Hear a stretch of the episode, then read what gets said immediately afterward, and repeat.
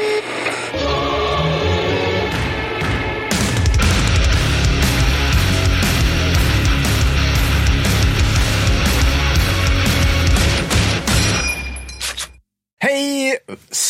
snygga lyssnare nu. Oj, oj, oj, oj. Ja, jag börjar oj, i den änden här istället. Ja, nya adjektiv. Ja. Ja, det här avsnittet är Linda Torssells alldeles egna avsnitt. Och Linda är en sån här fantastisk individ som har valt att vara patron på Gustav II Adolfs livvaktsstyrkenivå.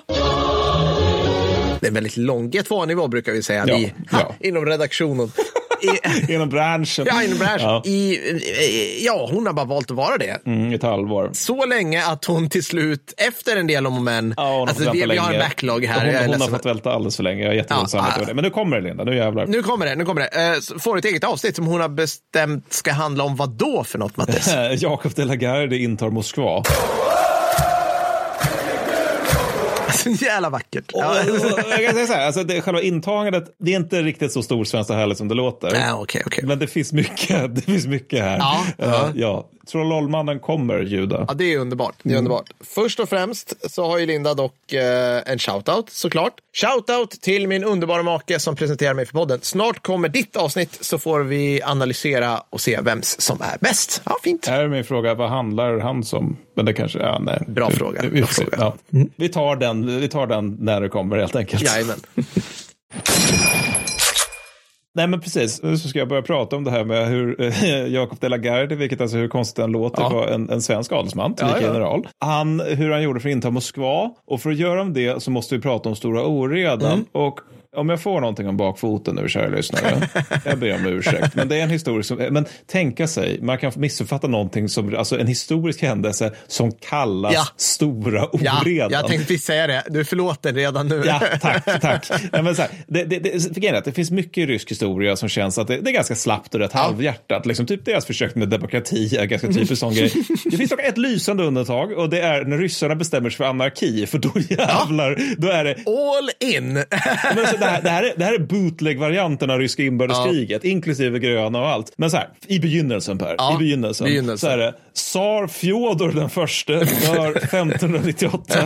Eh, han, liksom alla föregående och efterföljande tsarer, naturligtvis ett praktarsle. Ja, ja, men det som är problemet med här, men det är man ju van vid, Ja, liksom, det som är problemet med tsar Fjodors död där, det är att han saknar en arvinge. Aj då, aj då. Mm, ja, det är typiskt trubbel har jag lärt mig av att titta på kungaserier, höll jag på att säga. Mm. Ja, exakt. Ja, men precis. Ja. Och det, det var det i verkligheten också. Men ja, han hade en arvinge Mm. som hette Dimitri. Okej. Och, men denna hade sen skickat, han hade skickats i exil 1591 och dött under oklara omständigheter. En återkommande, ett återkommande fenomen i rysk historia. Ja, men det gjorde väl alla på den tiden, tänker jag. Alltså, Ja, ja, men precis. så fort någon ja, men- lämnar dog under oklara omständigheter. Ja, men också, men så, fort någon dör i, liksom så här, i hö, ryska högre klasser under, under hela tiden, Ah. modern tid egentligen, då är det alltid under oklara omständigheter. Ah, fattar. Förutom när de verkligen får feeling och det säger de gammeltroende existerar fort, vi måste pålsbästa 60 000 personer. Det händer också. Ja. Så den nya tsaren, nytt rövhål, Ja. Är Boris Godunov. Okej. Och under, under sena 1500-talet så har liksom Ryssland varit i typ fritt fall mer eller mindre. Det, det har varit alltså, mer än vanligt. Det, Mm. det är så här, det är många, alltså, till och med för en stat på 1500-talet. Det är många krig, det är stor ekonomisk oro och därtill bönder som allt mer tvingas med, äh, längre och djupare in i livegenskapen.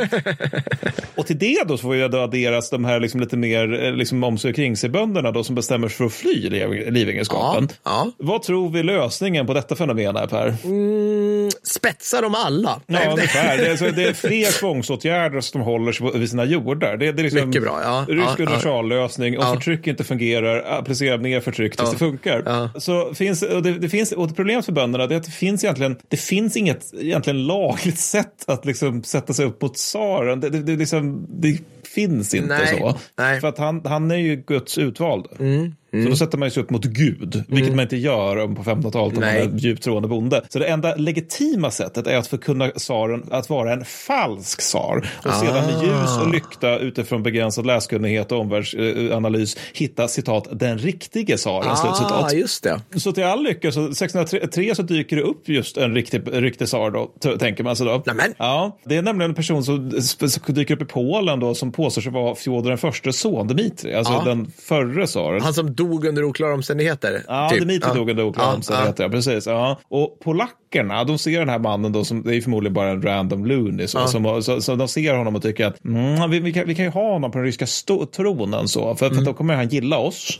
Och då, det kommer vara bra för oss. Om, Ja. om, liksom, eller Ja. det är inte, ja precis, alltså, Moskovi. Om, om, om, om, det, om vi liksom, Ja, men vi som har krigat mot de där, äh, liksom, Ja, men vi säkrar vår östra flank. Ja, Liksom. ja, det, det är precis. jättebra om vi har dem på mattan. Ja. Så. så Dimitri då, han går över gränsen och får med sig de arma, de halta, de lytta i en stor svärm. Det här påminner ganska mycket om du vet, det här när vi pratar om boxerupproret. Alltså att det, Ja. bara, det finns de här, du vet, de här stora trasproletariatet på landsbygden ja. som är lite, så här, lite pla, de har liksom ingen riktning nej, så. det är så här vagabonder Ja, liksom, ja, och sådana här individer. Liksom. Ja. Ja, och så dyker det upp någon som ger dem riktning och de bara okej.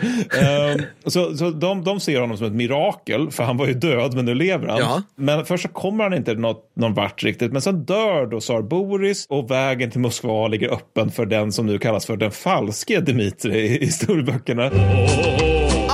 Ah, okej. Ja, det Så det är alltså en titel, den falske Dmitrij. men eh, Dimitri the Falls. Ja, Ja, det mycket. sällan. Och det här är också en, en väldigt stor charm med den här tidens krig, konflikter och statskupper. Det är just det här, en tsar dör och helt plötsligt kan en rebellarmé bara gå, alltså, som inte kunnat göra det tidigare, kan nu bara gå mot huvudstaden. Alltså det, det är så enkelt statsmakten Ja, försvinner. Så att eh, den falska Dimitri då, han kröns till tsar med buller och bång. Men, problemkolon, han beter sig misstänkt katolskt. Och det gillar ju inte de djupt troende ortodoxa ryssarna. Nej. Så när han håller sitt bröllop 606 på en ortodox fastedag, Ja. så då, då får liksom de bojarer, alltså rysk adel, som Ja. inte tjänat på hans regering Ja. tillräckligt mycket, de får nog då. Det är för Ja. bojarklaner kallas det i litteraturen. Då. Så de dödar de polacker de hittar och tsaren. Ja, så då får man ha en ny tsar. eh. Men, eh, som heter Vasilij den fjärde då. Ja. Men som, tur, och, som tur är så dyker upp en ny Dimitri. Hur många år har liksom gått nu sen? liksom? fem år. Fem, ja, precis. Det här, det här jag jag säga det. Det här är ja, nej, men, raskt. den, Ja. ja. men nu kommer den nya Dimitri. Han kallas för den falske Dimitri 2. så visst- en till den falske Dimitri. Ja, då. ja, Ja. Eh, Så han, och han, börjar, han börjar hänga runt utanför Moskva med rebellarmé på en plats som heter Tushino. Ja. Mm. Och Vasil den fjärde, återigen den nya tsaren, jag förstår om det är lite virrigt. Det heter Stora Oredan. Så Ja, ja, nej, det Han vänder sig nu till Sverige. Okej. Vasilij den fjärde, den faktiska tsaren, vänder sig till Sverige, Ja. med vilket man ingår ett förbund. Alltså det är fullständigt idiotiskt. Nej, men lägg ner. Det här måste ju vara unikt i världshistorien. Typ. Ja, det är inte vanligt i alla fall. Rysk-svensk allians på det här Nej. sättet. Då. Och så, för grejen är att Karl IX, en Mm. av våra mer rättshaveristiska kungar, han vill expandera svensk terräng, eller liksom, han vill expandera Sverige kring Finska viken. Mm. Och eh, Vasilij fjärde, han utlovar, ett- bland annat Keksholm vill jag minnas, eh, ett län som vi alla saknar. Mm. Eh, han, ut- han utlovar det till Karl IX om han får hjälp med att förgöra den falske Dimitri 2. Mm, mm, du med så här långt? Mm, jag med, absolut. Ja, och eh, sen så tänker ju vi svenskar lite grann som polackerna gjorde tidigare, att det är liksom en svenskvänlig tsar. Kanske ska vara bra. Ja, Kanske ska vara bra. Liksom. Alltså, nice. vi, vi, har, vi har det stora riket som vi har på slag, liksom bråkat med en massa historiskt sett. Det är väl bra om vi har en, en som gillar oss på tronen. Ja, där. ja, så kanske det, vi, kan, vi kan bossa runt med lite grann till och med. Så, så ryssarna de lovar dessutom eh, oss svenskar att, vi ska hjälpa, att de ska hjälpa oss att slåss mot polackerna. Som Ah. är redan är inblandade i den här berättelsen. ja. Det är ju en ädel svensk tradition. Ja, det är ju det. Och det är ju också Sigismund, alltså den Sigismund som sitter på tronen Ja, i ja, Polen. det, jaha. Så, ja, ja, så, ja. Så, så att det är liksom, det är två bröder. De här hopplösa Vasasönerna som Ja, man liksom ja, har tröttnat på i mellanstadiet. Ja. Gud, Mm. ja, Ja. gud, ja. Det är typ Göran tredje jag gillar det för att han är lite anonym. Ja. nej, men, men så de, de är nu, det är två bröder som är helt inne i krig mot varandra, vilket jag tycker är fint. Och polackerna, de är ju samtidigt fortfarande intresserade av en påskvänlig tsar. Mm. Så de invaderar Ryssland för att stödja den falske Dimitri 2. Ja. Och, och på grund av att det nu finns ett förbund med Sverige mot vilka Ja. Polen gör fiender. Ja, så de och, och sen, så, sen så bestämmer de sig lite senare för att det är nog bättre att bara ta rakt av en polack på tronen. Vi slipper ha den här mellanhanden. Ja, ja, så. skönt. Men chef för den svenska styrkan är i alla fall då den 25-årige, eller man är 26-årige, Jakob de la Gardie. Ja, ja. För att det var den här tiden, Ja. alltså Game of Thrones, en dokumentär. Eh, han har, omkring, siffrorna är lite ostadiga kan jag säga, omkring 5 000 finländare och legoknekter sig de. Ja. Och finländarna utgör då ett problem, för de, de går in en bit liksom i, i, i Ryssland då, Mm. och sen, så, sen vill de gå hem. Saatana vie. Ja. Så då gör de det. Ryssland är ju stort och jobbigt. Ja, Alltså, men de, de, de, de säger vi, vi vill inte längre. Så Nej. då går de sig iväg. Ja. Och Jakob är tvungen att rida efter dem och skälla på dem för att de ska liksom vilja strida för Gud och, och, och, och kung. Så. Och legoknektarna, de är också ett separat problem för de vill ju ha betalt. ja, just det. Hur Just det. rikt tror vi Sverige var under sent fem, tidigt 1600-tal under Karl IX? Alltså typ en, en höna, eh, en bänkalkis och en Ja. träslev. Det är liksom Precis. statskassan. Om Ja. vi pantsätter bänkalkisen så Ja, kommer det gå bra. exakt. Exakt så. Men, men, men det där med betalningen har ju ryssarna lovat att göra. Men vad jag förstod så var de här betalningarna lite som det alltid är under Ja, 1600-talskrigföringen. Att man har legoknektar men de knorrar jämt över att det här med månadslön är liksom ingenting vi riktigt känner till. Så för det går med väldigt liksom, ja. men, men så Jakob då, han länkar upp med ryska styrkor i Novgorod. Mm. Och sen drar de sen mot Moskva då, under, under ett fälttåg som, jag har bara sett beskriva i adjektiv egentligen, men som adjektiven är alltid så här förfärligt. Alltså det, det, du vet, förhållandena är så här urskogar i Ja. Ryssland. Ja. Alltså det, det, det är liksom inte jättehärligt ställe att gå på. Alltså det, det, är typ, det är typ dålig infrastruktur idag. Ja, ja här, nej, men precis. tänk-. Föreställ er då. Ja, nej, men alltså, det är bara så här djup skog, det är, det är liksom Revenant-terräng. Eh, så de börjar gå mot Moskva. Mm. Den falske Dmitrij den andra överger sitt läger vid Tushino och flyr sen utklädd som bonde. Vilket jag, det tror jag för övrigt är, liksom, det tror jag, jag tror inte vi kan förstå hur sjukt det är för en rysk ädling att klä ut sig till bonde på den här tiden. Med sig så har han också den falske Dmitris, den förstes änka, Ja, eh. Marina, Ja, som hon har tidigare dykt upp då vid Tursino och sagt att jag känner igen honom, slutcitat, när hon har sett en helt annan person som också kallar sig Dimitri. Alltså, det, här är, det här är en sån kanal 5-drama historisk serie. Du vet, eller så här Ja, ja. Sina Warrior Princess. De har så här, de har, det finns hundra statister om vi, om vi antar ifrån tårna. Ja. Alla känner alla. Ja. Liksom. Kungen går i spetsen för sin här. Ja, eller bara Paradise, Paradise Hotel, att det är en massa eh, Ja. kåta, fulla 20-åringar Ja. med ganska liksom, lite bakom flötet. Så, så, alltså, ja. Nej, men så de rysk-svenska styrkorna marscherar in i Moskva i mars 1610, vilket jag då antar innebär att de faktiskt har gått från Novgorod under vintertid, vilket låter sjukt. Och de mottas som befriare. Ja, För att, för att man, har, man har ju liksom varit eh, belägrad av eh, den falske Dmitrij ett bra tag, då, eller halvbelägrad från Sushino. Och eh, efter det så har man liksom marginell kontroll över Moskva eftersom tsaren då Vasilij IV är djupt impopulär Ja. naturligtvis. naturligtvis. Och han i sin tur hålls typ uppe av sitt syskonbarn, eh, nu ska jag säga Mikhail eh, Skopkin Sjujskij. Och för Mikhail, han, han anför den ryska delen av de svensk-ryska styrkorna Ja, då. ja. Och han träffar så Vasilij strax efter att de går in i Moskva, han och Jakob då. Men sen dör han under, wait for it, mystiska, Mystiska omständigheter. Några månader senare. För att, vet, han var en kompetent härförare, det kan tsaren inte tåla. Nej, så nej, nej, då måste han dö under mystiska omständigheter. Så de svensk-ryska styrkorna de vinner en rad småslag mot framförallt polska styrkor. För har det liksom gått från att det är ett ryskt inbördeskrig till att det är lika mycket ett liksom mellanstatligt krig mellan Sverige och Polen. Då. Men det handlar fortfarande om typ så här några tusen på Ja, varje sida. ja Alltså, alltså, liksom- det, det är så här, fånigt små styrkor. Alltså, Det är verkligen Reven av strid, första striderna. Liksom. Ja, ja.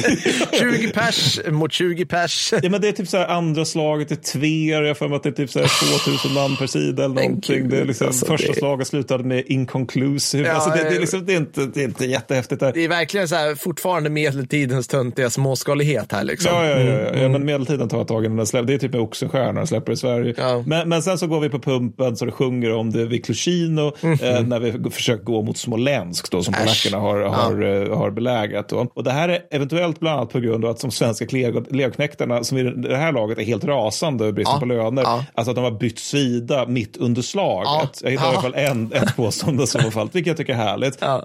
Vasil den fjärde han avsätts strax därefter och får bli munk istället. Vilket ändå ja, väl Han vara. fick Liksom- vara det i varje fall. Ja, men det, är, en ganska kul levnadsbana. Att liksom, ja, men jag började som det här, som jag sa ett tag, liksom, prövade det, blev munk. Alltså, det, det, är liksom, det, det är bra LinkedIn-profil. Men eftersom Jakob nu har tappat sina legoknektar så får han ta det som beskrivs som en citat handfull slutcitat svenska knektar Ja. som återstår av hans fina armé och gå till Viborg då. Och sen håller det här på till 1613. Alltså, det, det här var för att det var så det gick till när vi tog Moskva. Det, det är liksom, tråkigt nog ingen stor stormning eller Nej, något sånt där. Det- nej. men, men, men, men, det, men det håller på till 1613. Och innan den är slut så har liksom, alltså där har typ Jakob blivit någon form av representant för Sverige för att det finns det så här, liksom prat om att Gustav II Adolfs bror Carl Philip kanske kunde vara en bra kandidat till tsartronen. Oh, shit. Shit, vi hade kunnat haft en svensk på den tronen. Det, finns, det finns en bok som heter Den svenska tsaren. Men, Ja. men, ja, men, så, så att det, och det här kanske säger någonting om hur upp, ouppstyrt det här är. Ja. Liksom där det börjar pratas om att Gustav II Adolfs bror Carl Philip, som kanske inte är jättekänd, ska nu bli tsar. Men det blir det inte, utan det blir istället en eh, Mikhail Romanov som vi kanske känner till från hans efternamn. Då. Att Ja, det just blir det. Romanov 1.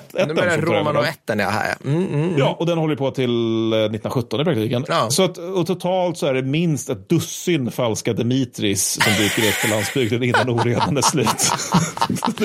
Jag får lite av Life of Brian-känsla liksom. Ja, ja, ja, Eller men- jag vet inte. Nej, men om det, just det här när man är, jag är den falske Dimitri 12.